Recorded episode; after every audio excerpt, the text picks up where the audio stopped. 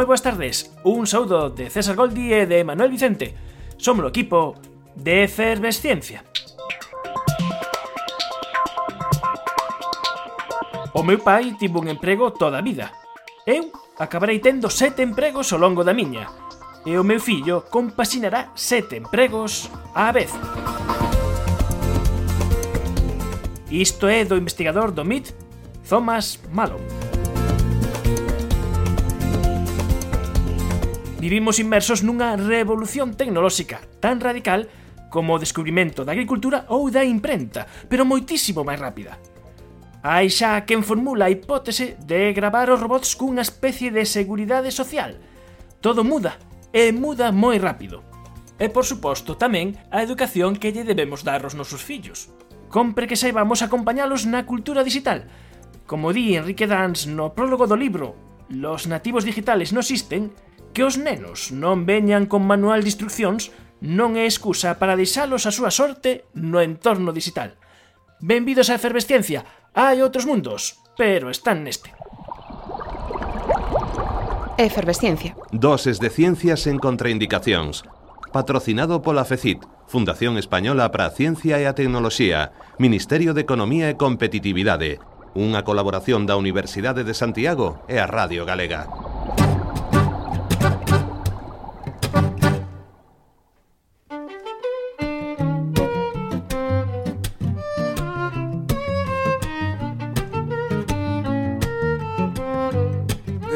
Organization in America called Research America. And it's a lobbying organization in, in a way, it's funded by private funds to try to lobby for more support for research. Estaba diciendo que en Estados Unidos eh, hay organizaciones como por ejemplo eh, Research America que funcionan como lobbies. Es, es como un lobby que lo, está pagado por fondos privados para eh, promover eh, la, la, importancia de la ciencia, en, la importancia de la ciencia en la sociedad y que eso a lo mejor no está tan desarrollado en España, por lo que lo que él sabe, eh, no hay eh, filántropos que estén poniendo una cantidad de dinero equivalente en la promoción de la ciencia y eso también es en parte una responsabilidad que los científicos deben tomar individualmente, deben, deben participar en la sociedad y deben trasladar a la sociedad la importancia que la investigación básica y translacional tiene.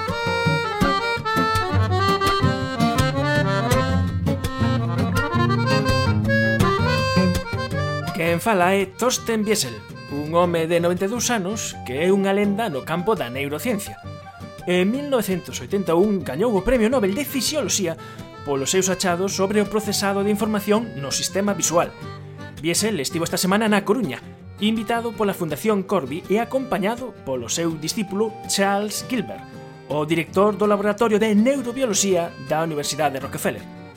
Na rolda de prensa que tivo lugar na Domus, Biesel comentou con modestia que os seus descubrimentos apenas tiñan aplicacións clínicas, cousa que foi radicalmente desmentida por Gilbert. He discovered with his colleague David Hubel Él con su colega David Hubel eh, describieron por primera vez una cosa que se llama el periodo crítico durante el desarrollo cerebral, que quiere decir que a partir de una cierta edad postnatal muy temprana, las conexiones cerebrales permanecen fijas, eh, son menos plásticas, cambian menos. Y entonces una de las consecuencias que eso tuvo inmediatas para la práctica clínica fue que cambió por completo el protocolo para tratar a niños que nacían con cataratas congénitas. It's now known that those cataracts, which can be corrected y by antes esperaba que fueran más mayores para poder tratarlos, pero su trabajo demostró que eh, si queríamos revertir los efectos de eso, que el cerebro se desarrollara de, de, forma natural, habría que tratarlos antes de que se llegara a ese periodo crítico. Y se tratan con una operación quirúrgica muy sencilla. Entonces, eh, ese trabajo tan básico, ellos no tenían ninguna, ningún interés en, en, en descubrir nada con esa relevancia clínica, estaban simplemente movidos por la curiosidad de saber cómo funcionaba el cerebro en ese aspecto Charles Gilbert eh, contou cales son algúns dos seus intereses de investigación. A traducción no momento é do neurocientífico Luis Martínez do Instituto de Neurociencias de Alacante e un dos fundadores e patróns da Fundación Corby. Distintos tipos de conexiones que hay en el cerebro. Hay algunas conexiones que llevan información desde la periferia, desde los órganos de los sentidos, hacia, hacia los órganos más elevados de procesamiento y hay otras que hacen el, sentido inverso y contribuyen a la percepción. Estas se llaman conexiones de, de, arriba a abajo. Y hay mucha gente que está viendo que fallos en este tipo de conexiones de arriba a abajo pueden dar lugar a enfermedades del comportamiento como por ejemplo el autismo o, o la esquizofrenia.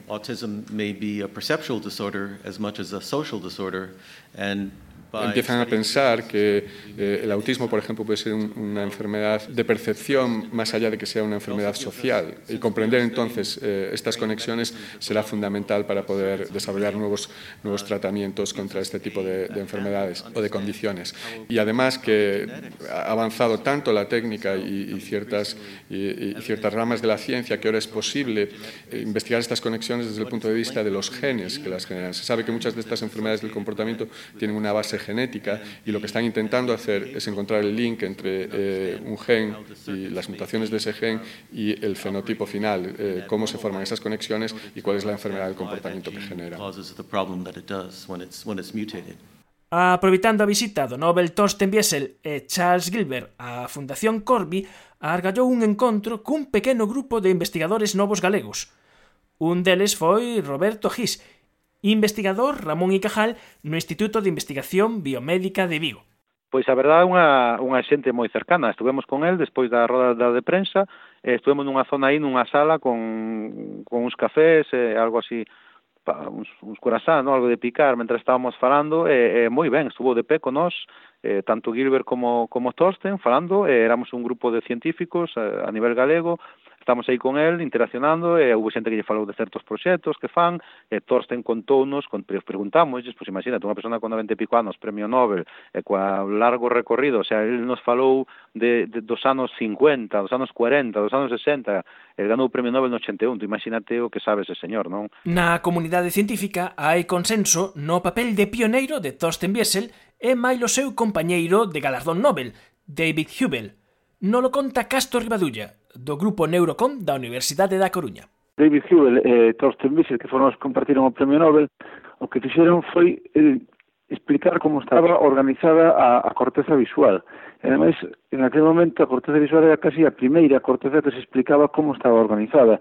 E descubriron que as células do, do, da corteza cerebral respondían de forma selectiva á orientación dos estímulos, é dicir, cada célula respondía a, a, a unha orientación do, do estímulo no espacio. E a partir de eso describiron toda a organización funcional da corteza cerebral e fixeron cousas como, por exemplo, eh, descubrir a, a importancia da, da plasticidade, falar de períodos críticos, é dicir que o, o cerebro pasa por etapas nas que é moito máis plástico. Foron os primeiros que dixeron que o, o, os rapaces que teñen o, o ollo vago, pois que había que taparlle o ollo que beben para compensar o antes posible, porque xusto en ese período inicial da, da vida é cando se desenvolven as conexións e hai unha competencia entre os dous ollos por, por chegar á corteza cerebral e se se pasa ese período pois xa non hai posibilidade de, de recuperar. Bueno, todos esos traballos a partir de, de que eles eh, foron quen de ver que as células da corteza visual respondían a uns estímulos determinados. Ten en conta que antes de que estes dous señores fixeran os seus primeiros traballos, había un artigo que, que decía que as células da corteza visual non responden á luz. Titulábase así, ademais.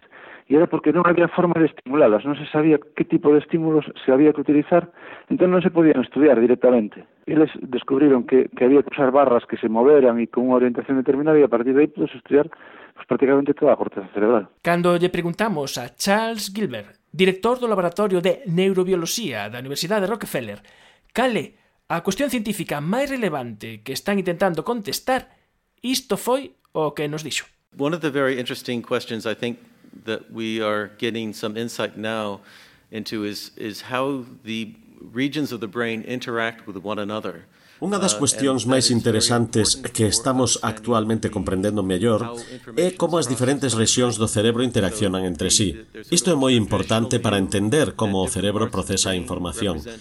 Tradicionalmente considérase que as distintas partes do cerebro realizan diferentes funcións, o cal é esencialmente certo. Pero agora sabemos que para que cada parte individual funcione correctamente necesita inputs do resto das rexións do cerebro.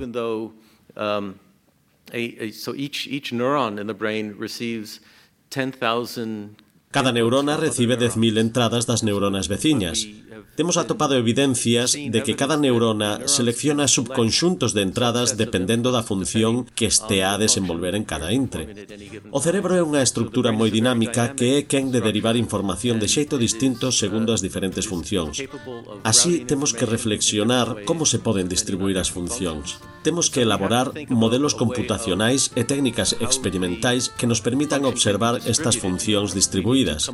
E ao final, estas funcións serán relevantes sociais para intentar explicar o que ocorre nas desordes do comportamento.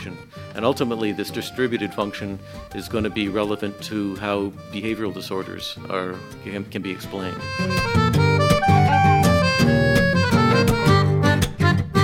E todo isto foi o que puidemos aprender na presentación na Coruña da serie de charlas chamadas Corbitos Tembiesen Lectures, que nesta primeira edición hanse centrar no papel da ciencia na sociedade.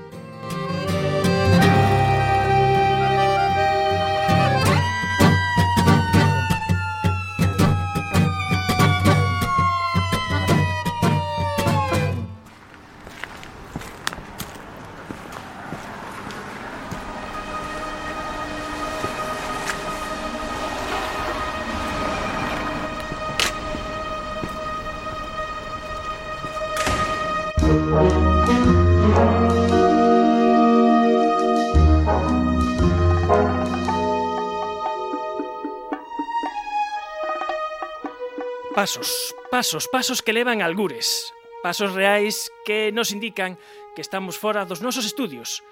E isto é o bo que ten a radio, que viaxamos lixeiros de equipaxe e deste xeito podemos argallar para vos esta complicidade sonora que chamamos un autor, un libro e un espazo.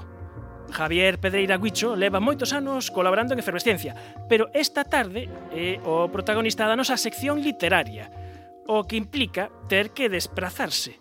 E, curiosamente, esta localización a suxeriches ti, pero é a primeira vez na vida que pisas este sitio. Moi boas tardes, Guicho. Efectivamente, é a primeira vez que veño aquí, e iso que está moi relacionado conmigo. Parece increíble, non? Que nunca estiveras aquí. Efectivamente, nunca coincidira antes. E tiveches que desplazarte, só tamén unha pista. Efectivamente, non estou na miña cidade habitual. Bueno, xa estamos dicindo moitas cousas, porque estamos nun lugar relacionado, eu coido, que é bastante con este libro que teño nas miñas mans, o libro que recén saído do, do prelo Los nativos digitales no existen, editado por Deusto. Isto é porque nos atopamos... Eh, eh, eh, eh, eh non cuidadín, eh, cuidadín. Hai que botar o freo, non o podemos dicir porque esa sí que a vosa tarefa. E se queredes levar de balde un destes exemplares, tedes que poñer as neuronas en modo on, e sacudir as orellas. Arrincamos.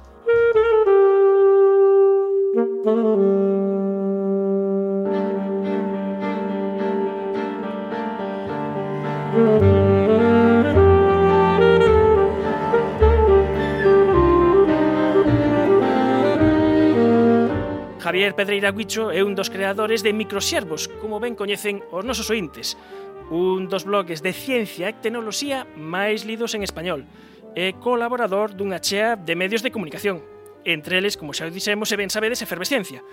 E de feito xa levábamos eh, moitos meses na sección de Guicho nesas guicherías mm, seguíndolle a pista ás orixes do libro Los nativos digitales no existen. E coido Guicho que o feito de meterte na aventura deste libro foi como pedir unha carta aos Reis Magos e que te trouxeran todo o que pediches.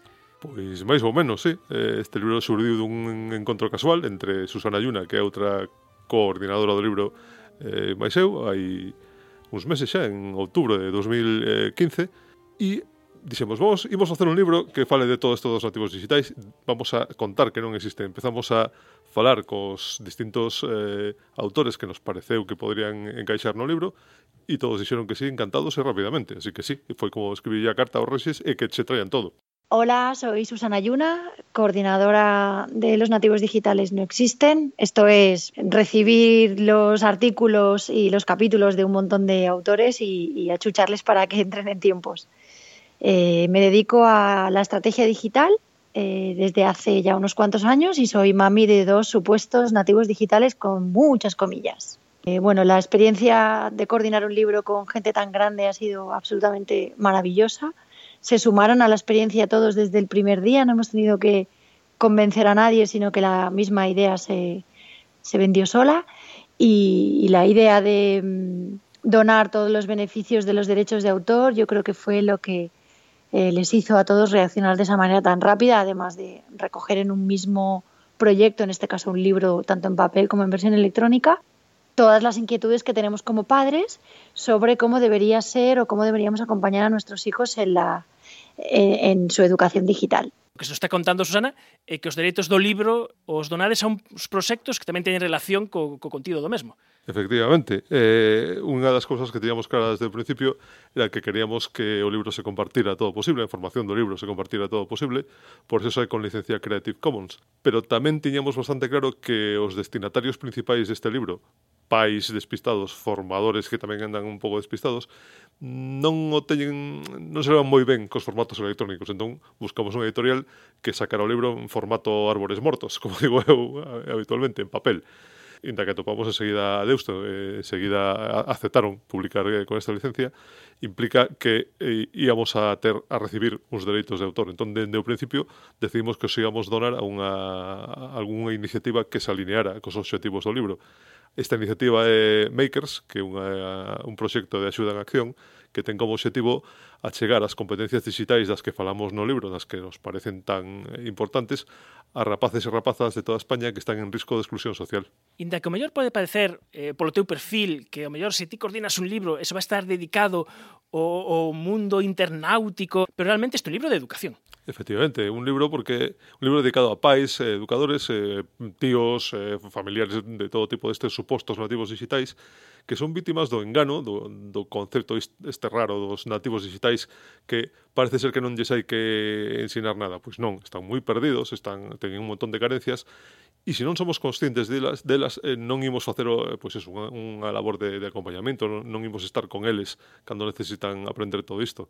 Entón, queremos facer un libro moi básico de conceptos, de aclarar conceptos, non de... Eh, aprenderlle a xente como usar redes sociais ni nada deso, que non é o objetivo, senón de mm, dar un toque de atención eh, a, todo este colectivo para que vexan que necesitan facer algo, que non poden abandonar os seus fillos, eh, alumnos, primos, sobrinhos, etc., eh, no mundo digital así libremente.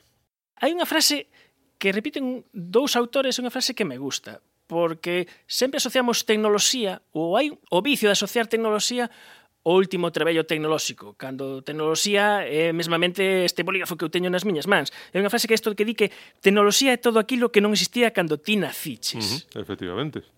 Isto tamén nos dá unha idea de, de por onde eh, nos empezamos a, a transitar, porque ter sentido común, por exemplo, a hora de compartir fotos, non é necesario saber como funcionan pois as redes sociais, se non ter ese sentidiño. E hai persoas que non son nativos digitais, pero si sí poden enseñar a un suposto nativo digital, por exemplo, ese sentidiño de, oes, que vas a compartir esta foto? Esta foto que estás poñendo unhas redes, que vai pasar con eso? A que te estás expoñendo? Son esas cousas básicas. Son esas cousas básicas, son ou non ou non lle fagas a alguén, a ninguén nas redes sociais o que non lle farías no mundo real. E iso que distinguir eh, redes de mundo real non é algo que me guste porque para os rapaces non hai diferencia, está é parte da súa vida.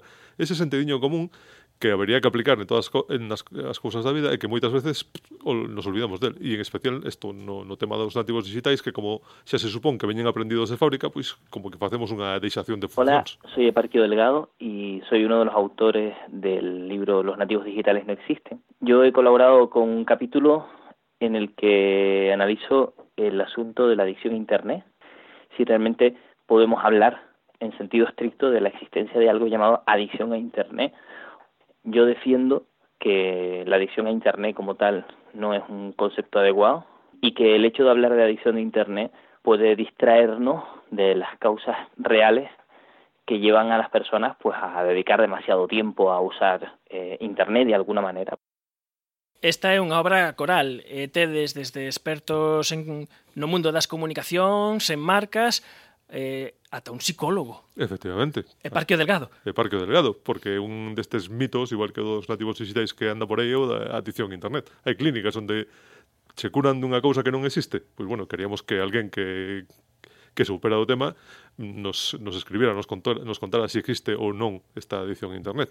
E Parquius adelanta, el considera que non, aínda que haxa persoas que a utilizan máis do que deberían, pero eso é un problema que, que non é culpa, culpa entre comillas de internet, sino que esa persoa probablemente tenga algún tipo de problema que a levaría se non fora con internet, pois pues estar enganchada ao xogo, eh, a televisión ou a calquera outra cousa hai cousas que chaman a atención. Por exemplo, que a xente nova, unha cousa que é habitual utilizar nos traballos, como pode ser un correo electrónico, uh -huh.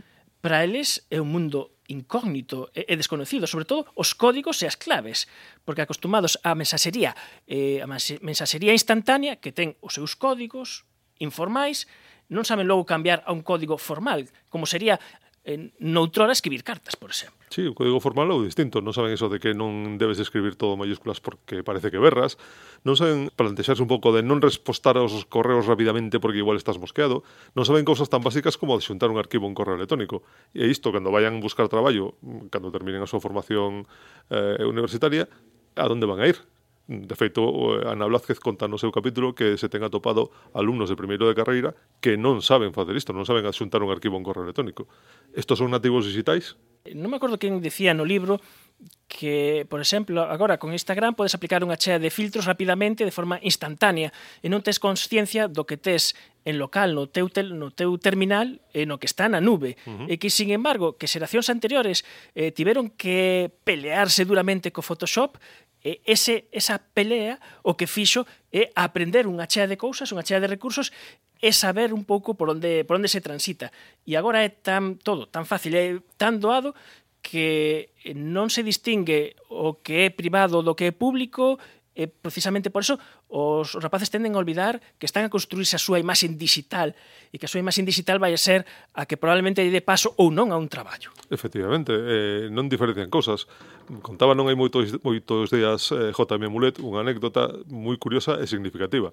Falaba dun alumno seu que lle enviaron un correo dicéndolle que non podía entregar un traballo ou unha cousa así porque o seu avó estaba moi maliño no hospital e tiña que facer turnos para axudar a cuidalo Y esa misma noche aparecen fotos mm, de ese chaval de farra Eh, subidas ao Facebook, donde tiña agregado a JM. Entón, claro, mmm, vale, eh, podes contarlle un lado a un profe, todos o temos feito, pero eh, aplica os filtros en Facebook con un pouco de sentidiño. Seguramente este chaval non sabía que hai filtros en Facebook para ver quen pode ver ou non o que te subes. Pois isto é un problema, igual que un problema de cara, pois eso, si estás a subir según que tipo de fotos, cando dentro de, de uns anos vayas ver traballo e a persona de recursos humanos da empresa en cuestión faga unha búsqueda, que vai a topar aí? Pois bueno, tens que ser consciente. Non digo que non o pases ben, non digo que non subas en que cousas, pero con sentidiño. Eh, sentidiño e acompañar, educar, e, en este sentido, hai preguntas que eu supoño que moitos pais se fan no que no libro dades as claves para interpretar. Por exemplo, non se di, pero eh, cando sería convinte, por exemplo, que un neno ou nunha nena pois teña o seu primeiro móvil? Que supón eso? Como se debe ser esa eh, transición hacia eso, o a primeiro contacto eh, coa rede, non dades unha solución numérica, porque non a hai, non, hai, non a pode haber, non a pode haber pero si dades as claves. E penso que as claves é dicir que a, a inmersión eh, neste mundo, neste, nesta rede, nas tecnoloxías, sexa unha inmersión acompañada, guiada, e, e pouco a pouco ir facendo as etapas que se deben facer. Igual que os nenos cando eh, antes de que vayan sós pola rúa, eh, tíos acompañas e lles ensenas a, a cruzar, e logo pouco a pouco vas facendo fitos, eh, no mundo digital ten que acontecer algo semellante. Efectivamente, hai que acompañalos desde moi cativos, porque hoxe eh, día viven nun mundo que, no que están en contacto continuo con este tipo de dispositivos, que, eh, co acceso a internet. Se si os tes aislados hasta os 12 os 14 anos, o día que atopen unha máquina conectada vai a ser o, o fin do mundo para eles. Entón hai que acompañalos de moi pequeniño, dándolle pouco a pouco máis grados de liberdade, cando empecen a utilizar un ordenador sós, pois que sexa un ordenador que está nunha, nun lugar común eh, da casa non para estar mirando o que fan, pero bueno, que saiban que, que, que estás aí, e eso sempre pouco a pouco, e non hai unha resposta aos 12 anos, porque depende o grado de madurez do rapaz ou da rapaza, e iso non hai ninguén que o poida saber mellor que os seus pais, pensamos nós. Hai solucións tecnolóxicas que son filtros uh -huh. para evitar ver eh, según que contidos que non son a solución de, de ningún xeito, non son a panacea, que poden, poden estar, pero non suplen o labor ese acompañamento dos pais e sobre todo será esa confianza para que eh, se o rapaz ou rapaza ten algunha dificultade e eh, poida pedir axuda e pedir consello. Efectivamente, os controles os controles parentais, os filtros, na nosa opinión dan unha falta de sensación de unha falsa sensación de seguridade, porque ti podes pensar que o teu rapaz ou a tua rapaza están protegidos de o acceso según que tipo de, de contidos, pero van a ter acceso calquera día a un dispositivo que non está desactivado, un ah, van ir á casa dun amigo onde eso non pasa, e se van a topar con contidos non adecuados. Aparte que os filtros non sempre funcionan, entón o que hai que facer é acompañalos e pasar de filtros, e se algunha vez atopan contidos non adecuados que vai a pasar, o que non tens que facer é montarlles un pollo. O que tens que facer é decirlles por qué, mm, darlles os consellos adecuados, porque así a próxima vez, cando se atopen outro problema, van a acudir a ti, senón estás a establecer barreras con eles, e iso é moi malo. Soy Nuria Oliver, eh, soy uh, directora de investigación en ciencias de datos en Vodafone y Chief Data Scientist en Data Pop Alliance. Y mi contribución para el libro Los nativos digitales no existen es un capítulo que se llama Eruditos digitales. En el capítulo, además de destacar la importancia de desarrollar las competencias de lo que se conoce el pensamiento computacional, en los niños y adolescentes para que puedan contribuir la sociedad del futuro, destaco sobre todo elementos eh, de inteligencia social y emocional que considero que van a ser fundamentales eh, desarrollarlos al mismo tiempo que desarrollamos las competencias computacionales. Hablo de la importancia de cultivar una cultura de aceptar una gratificación a largo plazo. Hablo de la importancia de el mito de, de, la multitarea ¿no? y de la importancia de cultivar el, el, poder prestar atención continuada a una cierta tarea. Hablo de la importancia del aburrimiento como una emoción que quizás estamos perdiendo ¿no? como especie y que es muy importante sobre todo para la creatividad. Y hablo también de la importancia de hacer un uso consciente de la tecnología y uh, valorar eh, y dedicar mm, tiempo a estar sin usar tecnología. Eh, te desente de nivel. Eh. Bueno, eh, non nos cortamos a facer a carta aos reis. Dixemos, quen queremos que saia no libro? Tal, tal, tal, tal, igual. Elles escribimos. O peor que podía pasar era que dixeran que non. E dixeron todos que sí. E a verdade, por exemplo, neste capítulo de Nuria, eh, a min sorprendeume bastante esas cosas que, que dicía, eh, por exemplo, o tema de eh, o valor do aburrimento, uh -huh. o valor de eh, que aburrirse tamén é bo de, de cando en cando ou eh, que estamos moi eh, afeitos á satisfacción inmediata eh, que traballar tamén recompensas a longo prazo, eso tamén é bo. Esas son dos cosas que me chamaron moito a atención. Sí, efectivamente, que eh, quizás unha das carencias que teñen estes supostos nativos digitais, pero que non só se aplica no mundo digital, pasa así en todo, non son non están afeitos a esperar polas cousas. E algo que, que eu concido eh, co que de Nuria, que temos que, que volver a traballar, facer as cousas dun xeito máis paseniño, máis reflexionado, e que non pasa nada se si tes que esperar mm, pois a que termine un proceso ou se si un día decides que vas a estar toda a tarde non facendo nada, que o, o gallá pudiéramos facelo todos de cando en vez. E, tamén fala de momentos off, momentos desconectados, momentos nos que, por exemplo, na familia decidimos que son momentos nos que non utilizamos os trebellos. Toca comer e comemos. Efectivamente, nos eh, na casa cando nos juntamos a comer eh, ou, ou a hora da cea, non utilizamos os, os dispositivos móviles. Si saímos por aí, pois, non sei, ao cine ou a dar unha volta, pois, hombre, nos levamos connosco porque eh, estamos afeitos a iso, pero imos falando entre nós. E é algo que hai que ir facendo, pois, eso, desde cativos. Si cando o teu fillo ou a tua filla ten 15, 17 anos, lle queres Uh, non impoñer, senón, senón queres que se afaga este tipo de, de ratos de desconexión, vas a telo moi complicado e que traballarlo desde moi pequeno. Por exemplo, outra cousa que se pode atopar neste libro eh, son as cuestións eh, xurídicas uh -huh. e legislativas que aparecen dun xeito que todos podemos entender.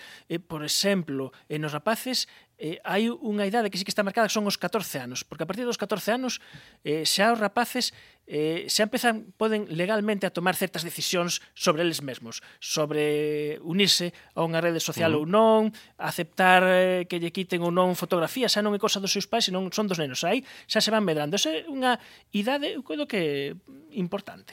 Sí, o que pasa que, como todos eh, sabemos, eh, feita lei, feita trampa. Uh que eh, non sei se vos lembrades por aquí moito de 20. 20 tiña auténticos problemas co tema de, de comprobar a, a idade dos, dos, eh, dos seus membros. De feito, iban por aí de, de cando vez pedinllos que mandaran o DNI escaneado ou cosas así, porque moitos mentían.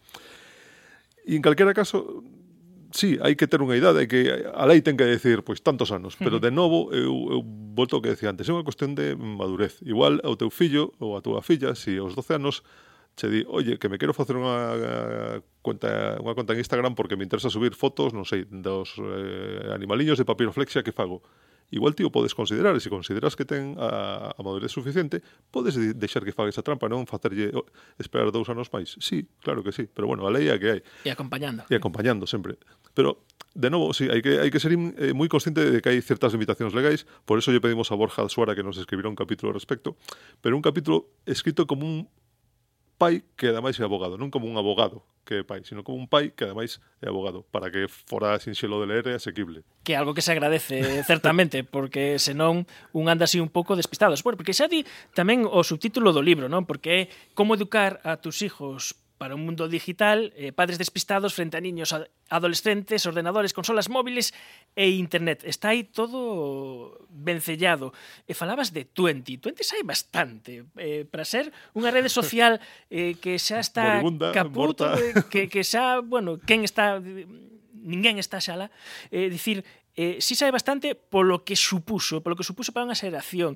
Eh, eu coido que tamén outro dos grandes acertos do libro é eh, eh, que falan expertos desde ámbitos moi diferentes que se complementan, e se complementan moi ben para ser unha obra coral, pero te decides, bueno, imos dar a voz aos supostamente nativos digitais, imos darlle voz a unha rapaza que está neste rango de idade eh, que conta a feira como a ve ela.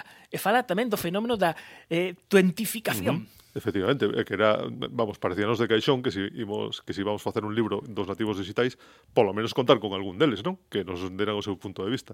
E en ese sentido, Claudia unos como moi significativa porque Claudia Dans, filla de Enrique Dans, eh, de Susana Losete, tamén coñecida como la chica da tele, son dous profesionais que levan moitos anos en internet, Claudia está máis que afeita a estar conectada a internet, a utilizar cacharros na súa casa. Entón, eso pola súa idade, polo seu entorno, sería unha destas nativas digitais, pero ela mesma renega do tema, porque do, da expresión, da, da, da clasificación, porque, bueno, é consciente, perfectamente consciente de que a maioría dos seus compañeiros de carreira de, de colexo non o son, non, non saben realmente facer uso destas mal chamadas novas tecnoloxías. Entón, sí, parecíanos super importante que, que Claudia eh, estivera aí para contar como ve as cousas. E se algún destes, supostamente, que xa sabemos que non existe, por activa por pasiva, en nativos digitais, e se achegasen onde estamos, e ven o que acabas ver ti, eh, o mellor pasaría sen darlle valor a esas cousas fantásticas que acabas de ver, hai un chisco. Estou seguro de que nin saberían o que son, de que non serían capaces de imaginar a que dispositivos pertenecían.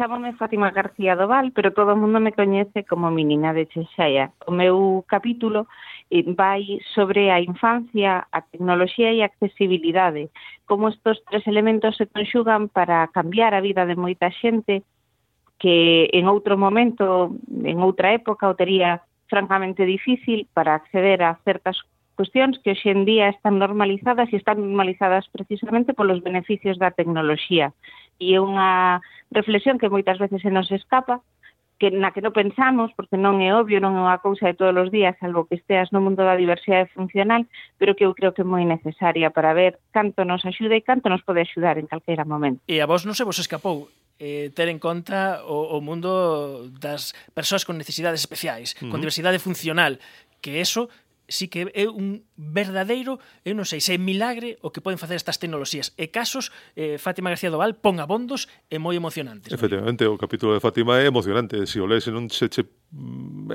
eriza a velo, se non se che cae unha lagrimiña é que non é humano.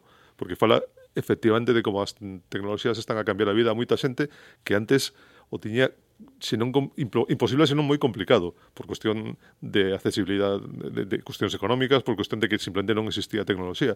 E agora podemos facer verdadeiras maravillas en ese campo. Eh, casos eh, de persoas que estaban prácticamente enclaustradas ou uh -huh. casos eh, de persoas con, con autismo que grazas a estas eh, tecnoloxías fan de, de interface para poder comunicarse co resto do mundo eh, para poder normalizar a vida. Efectivamente, e iso non me digas que non é emocionante. É moi emocionante. E a min tamén gustoume moita reflexión que facía Fátima sobre o rato que para nós é eh, unha interface que temos moi asumida, que é moi sinxela de, de manexar, pero non é tan intuitiva como semella e, e en, en persoas que teñen unha chega, persoas maiores que teñen un primeiro achegamento non é doado manexar o rato. Eu, por exemplo, por compartir unha experiencia persoal de xa hai moitos anos que me tocou eh, que estive en un, un verán en África, estive nunha escola os rapaces que non tiñan esa cultura o feito de, a, de ter un ordenador corrato o primeiro contacto era complicado, claro. era moi complicado. Claro, porque moitos de nós a estas alturas levamos 20 ou 30 anos usando ratos, pero pensad, o primeiro día que, que, que, que lle puseches a man encima un cacharro este, ti movías un aparello por unha mesa horizontal que facía que algo se movera nunha superficie vertical. Eso xa exixe un, un primeiro cambio de, de coordenadas, de, de, de atitude. Eu coñezo unha, unha rapaza que polo que sexa, eh, aprender a utilizar o rato co cable apuntando hacia ela, non hacia, hacia, hacia fora, como Ajá. usamos todos, e hoxe en día é como o utiliza. Por qué? Porque fixo ese, ese aprendizaxe. E para ela é o máis natural do mundo as interfaces táctiles son as que si ti tocas algo e se move, como pasa no mundo real, pero do rato ten a súa coña. O, o do rato ten eh, ten moita tela. Ademais de todos os colaboradores do libro, o primeiro capítulo é teu, no que falas eh, desde os teares ás tablets, no que fas así un repaso moi ben comprimido de todo o que a, a historia eh, de todas estas tecnoloxías, esa que falábamos do rato, eh, pos no seu lugar a Douglas Engelbart, uh -huh que é o esquecido, coido eu, polo gran público, eh, inventor do rato. Sí, efectivamente. Por eso, eh, eh, tío, dis, dos, te, dos teares as tablets, os teares de Lyon en Francia ao principio do século XIX. O sea que novas tecnoloxías entre moitas comillas. Aí está. O tratamento de información vende moi atrás. Eh, pero sí, falabas de eso, de, de Douglas Engelbart, que foi como o, o primeiro facer unha, unha demo super espectacular de un, inter, de un sistema similar aos que utilizamos hoxe en día con rato, eh, fiestras, este tipo de, de manexo que hoxe damos por feito, pero estamos a falar de finais dos 60, unha cousa espectacular. Este chegou antes de tempo, por eso non veu un can. Efectivamente, chegou antes de tempo, a, uh, a moitas das persoas que estiveron en esa demo eh, influíunos moito de cara ao seu futuro traballo no mundo da, da, das novas tecnoloxías, no mundo da informática, pero para cando chegou, para cando se popularizou este tipo de, de interfaces, os patentes de Douglas Engelbart, Engelbart xa caducaran, co, co que non vía un, un cuarto, un, un duro destos, un euro, e por outra parte eh, tamén había eh, patentes novas que esquivaban as súas, así que o pai do ratón Ainda que os focos din que teñen o seu propio inventor do ratón, que iso tamén daría para outra historia. Pero bueno, o, o pai máis coñecido ou máis descoñecido do ratón non veu un can por, por el. Hola, buenas tardes. Me llamo Janice Roca y he tenido la suerte de colaborar en, esta, en este libro de los nativos digitales no existen. Y es cierto, no existen. Lo que sí existe es una generación de personas que tendrán que gestionar la transición hacia un mundo radicalmente diferente, pero no están ni más ni menos preparados que el resto. Sencillamente lo van a tener más complicado. Como sempre, en esta sección de un autor, un libro, un espazo, que xa temos que rematar, habemos agasallar cun libro, cun libro original de Los nativos digitales no existen, eso sí, especial, asinado polo seu co-coordinador, Javier Pedreira Guicho, a quen acerte onde estamos. O que ten que facer é deixar a resposta, ten que ser digital, porque ten que deixar a resposta entre mañá luns e o venres no noso Twitter coa etiqueta, co hashtag uloguicho, ou ben no noso muro de Facebook e entre os que acertedes, se acertades algún, non o sei, eh, pois sortearemos un libro e cada día, a medida que vayan pasando os días, iremos dando algunha pista que vaya mellorando a localización de onde está o Huicho.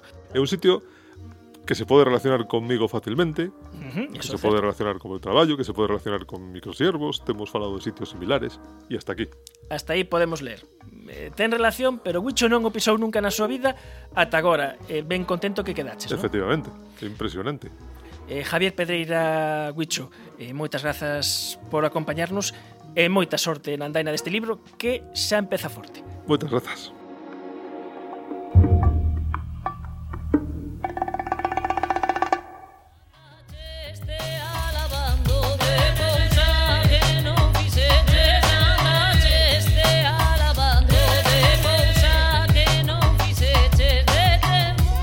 O 15 de decembro do ano pasado, a Asamblea Xeral das Nacións Unidas declarou o 11 de febreiro como Día Internacional da Muller e Mailanena na Ciencia.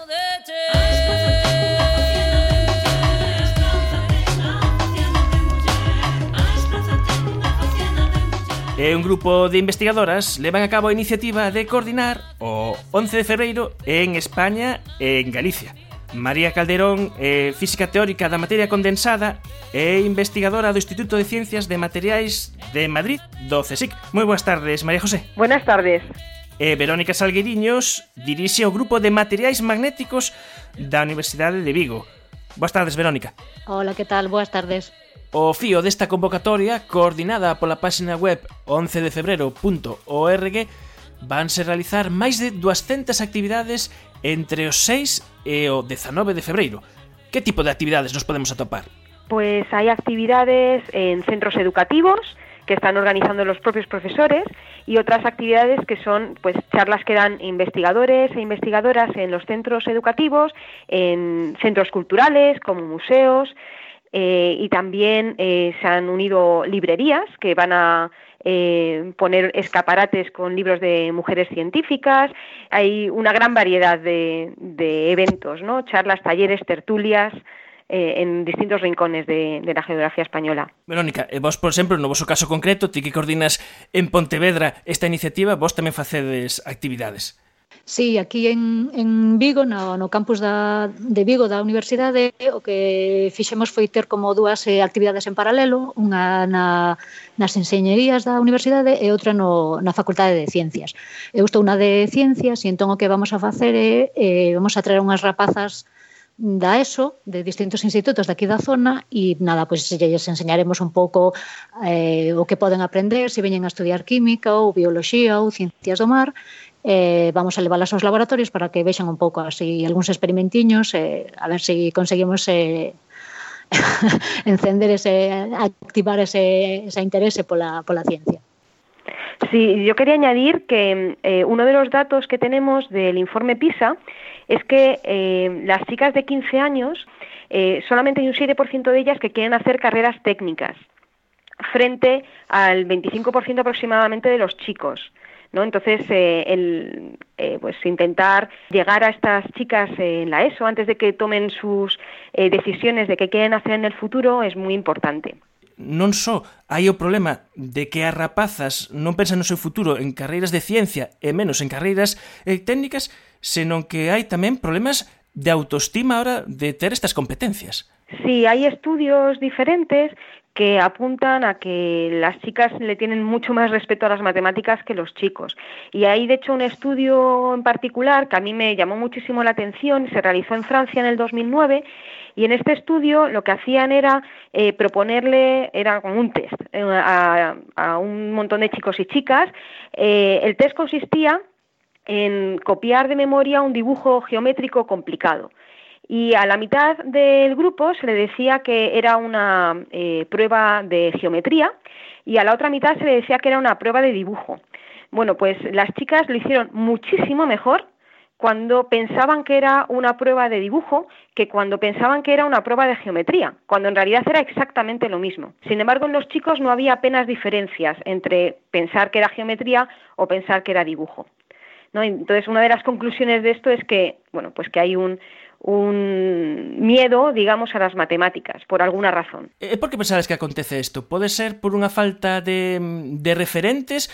Pode ser porque vivimos nunha cultura eh, na que as mulleres siguen estando aí ao carón, vos por que pensades que acontece isto? Yo creo que son muchas cosas unidas. Una es la falta de referentes, como tú dices, y es uno de los objetivos de esta iniciativa y de que exista este Día Internacional, es eh, visibilizar eh, a las mujeres que hacen ciencia para que, bueno, pues las futuras generaciones, tanto chicos como chicas, eh, vean pues que las ciencias eh, también eh, la ciencia hacen también bien las mujeres ¿no? y que y que es un, una alternativa para, para su futuro yo creo que hay también otra serie de cosas que son muy sutiles pues no sé cómo a lo mejor los padres incentivan a los niños o a las niñas a, a, seguir determinadas direcciones en su carrera. Yo creo que está un poco en la cultura, en la sociedad.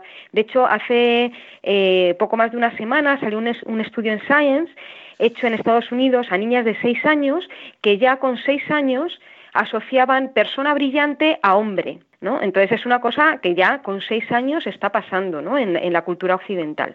Yo creo que, eso nos tiene que hacer pensar. Sí, sí que penso que, que é cuestión cultural de que todo o que rapazas nesas eh, idades tan tan cedo eh, pois sí que vai un pouco nesa, nesa liña, non? De que elas poden facer unhas cousas e os nenos poden facer outras, de que elas van a estar máis, eh, sempre se lles vai a, como a dicir, eh, no, isto no, isto sí. Eu creo que está na televisión, nos debuxos animados, eh, eh, no que ven eh, nos seus entornos, no, en, en moitísimos sitios. E entón, digamos que estas iniciativas de, de, de mostrarlles claramente, no, no, estas cousas tamén as facemos eh, eh, as rapazas estas cosas, as mulleres tamén as fan, ten que ser unha mensaxe moi moi clara e hai que insistir moito porque claro, un día só non vai a contrarrestar todos todas as outras mensaxes que reciben todos os días, entón. Uh -huh. eh, que é difícil, pero hai que hai que ir por aí. Hai que ir cambiando, mudando esa mensaxe este día é un bo punto de de partida para chamar a atención, pero que está os 365 días do ano. Eh, precisamente, Verónica, ti en 2008 eh, ganaches un premio eh, L'Oreal UNESCO de Mulleres en Ciencia. Contanos como foi eso. Bueno, eh, en realidade fomos as dúas, porque tanto María José Calderón como eu estábamos na mesma convocatoria e fomos gañadoras sí. as dúas. De feito, coñecémonos aí, nesa, nesa ocasión. Pues a documentación. Sí, e, e que supón eh, estes, estes recoñecementos?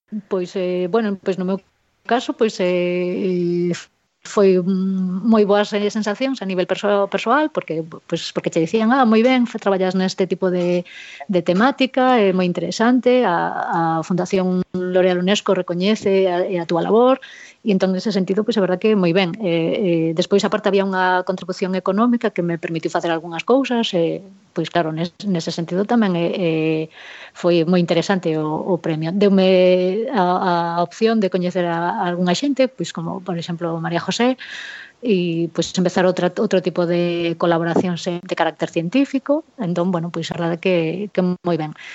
Sí, para mí también fue un espaldarazo a, a mi carrera, ¿no? Eh, sobre todo porque de vez en cuando necesitas que se te reconozca lo que haces y, y esto es una, una, forma muy especial de hacerlo y, y L'Oreal UNESCO están haciendo un esfuerzo no solamente en España, los, esta, este tipo de ayudas las tienen en muchos países, pero luego también tienen ayudas internacionales que también están ayudando a visibilizar eh, a las mujeres científicas. Inda, que xa empeza a ver incorporación de mulleres en carreras de ciencia e carreras técnicas a medida que se ascende no, no escalafón as mulleres van desaparecendo. Que pasa aí? Mm, bueno, los datos eh, están claros. Los datos dicen que eh, la proporción de catedráticas con respecto al número total de mujeres que hay en un área, eh, comparado con la proporción de catedráticos, con el total de hombres que hay en ese área, eh, es muy diferente. ¿no? Y entonces este techo de, de cristal se, se, le asigna un número. Si es uno, eso implicaría igualdad.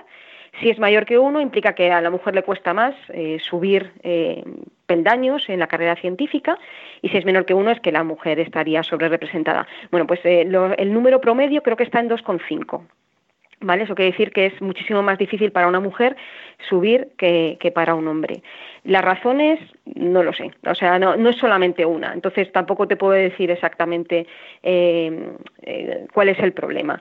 Parece que uno de los factores que puede ayudar es que en los tribunales de oposiciones haya eh, también mujeres, ¿no? que durante mucho tiempo pues, eh, en los tribunales había sobre todo hombres y ahora hay unas normas que, hay que cumplir de, intentar que haya un número mínimo de, de, mujeres en los tribunales y eso parece que puede ayudar.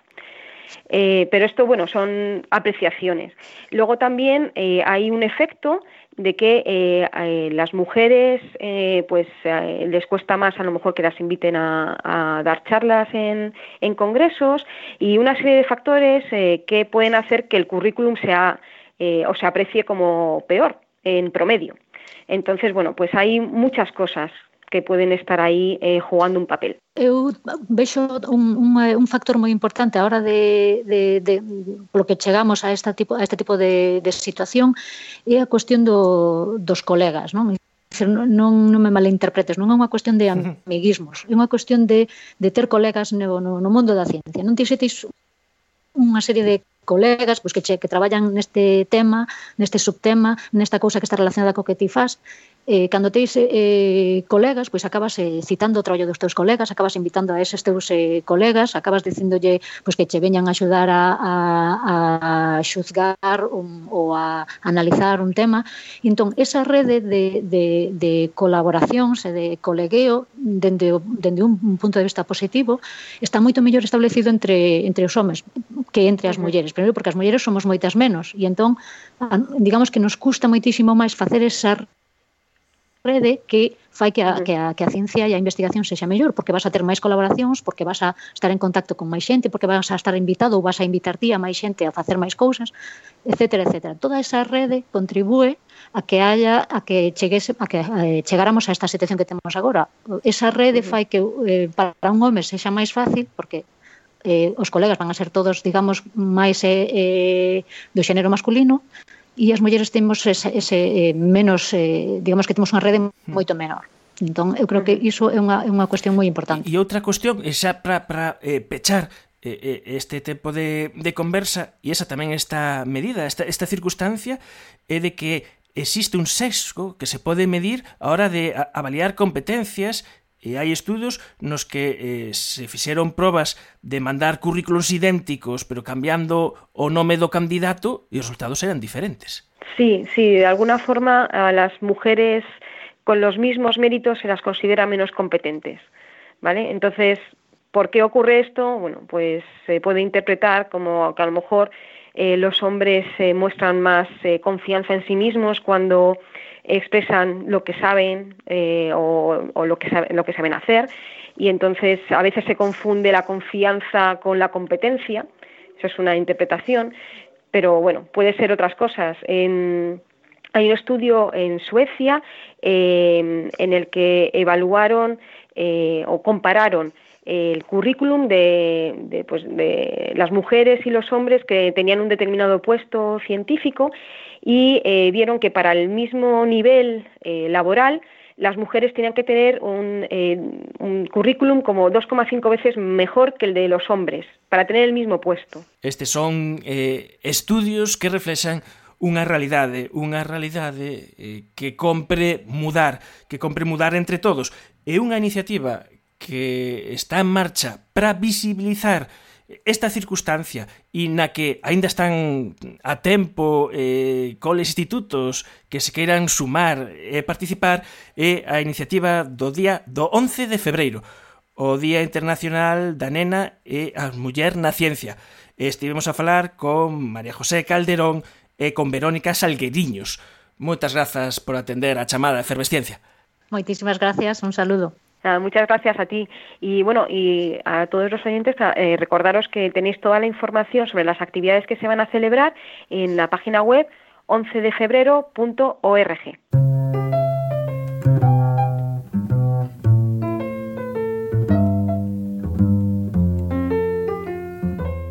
O catedrático de Estatística da Universidade da Coruña, Ricardo Cao, deixounos esta invitación na nosa senda de eventos científicos. Pois eh, convido vos a todos a asistir á conferencia que imos ter o día 11 de febreiro, o sábado, ás 10 media, en conmemoración do 25 aniversario da Sociedade Galega para a promoción da estatística e investigación de operacións, imos falar de Big Data, o tema de moda na ciencia de datos actual, e como o Big Data vai facer, o meu xuizo, cambiar os paradigmas da estatística clásica e como temos que adaptarnos a esta nova realidade. A cita do 25 aniversario de Esgapeio e a charla divulgativa sobre o Big Data de Ricardo Cau terá lugar o vindeiro sábado ás 10:30 da mañá na Facultade de Matemáticas da Universidade de Santiago. Efervesciencia. Patrocinado pola FECIT, Fundación Española para a Ciencia e a Tecnoloxía, Ministerio de Economía e Competitividade, unha colaboración da Universidade de Santiago e a Radio Galega. E ata aquí chegamos. O vinteiro domingo ás 3 da tarde teremos máis efervesciencia na Radio Galega. Adeus. Takitokatikotarum dindo da ti takituka da. Takitokatikotarum dindo da ti do da. Takitokatikotarum dindo da ti la ya. Ay la la la. Ay ya. Ay la la la.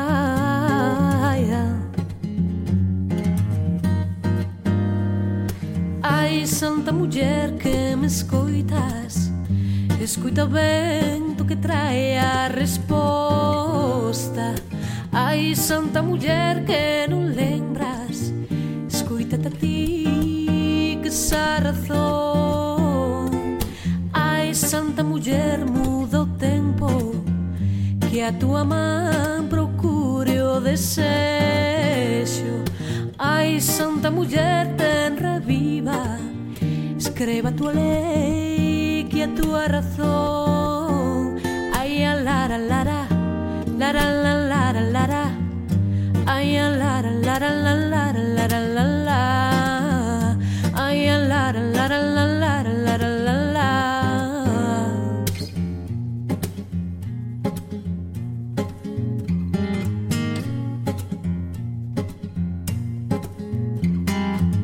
Takito katikotaro, dindo da ta. Takito katikotaro, dindo da ta. Takito katikotaro, dindo da ta. Takito katikotaro, dindo da ta. da rum. Ay la la la. Ay ya. Ay la la la.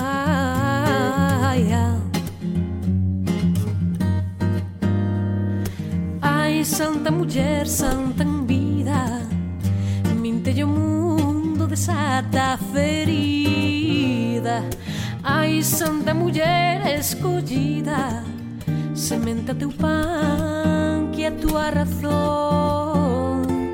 Ai, santa sen reina en rosario Sinta tua pel, o teu relicario. Ai, santa muller que non lembras. Escoitate ti que xa razón. Ai, santa muller que me escoitas. Que escoito o vento que trae a resposta. Ai, santa muller que non lembras. Escoitate ti que xa razón.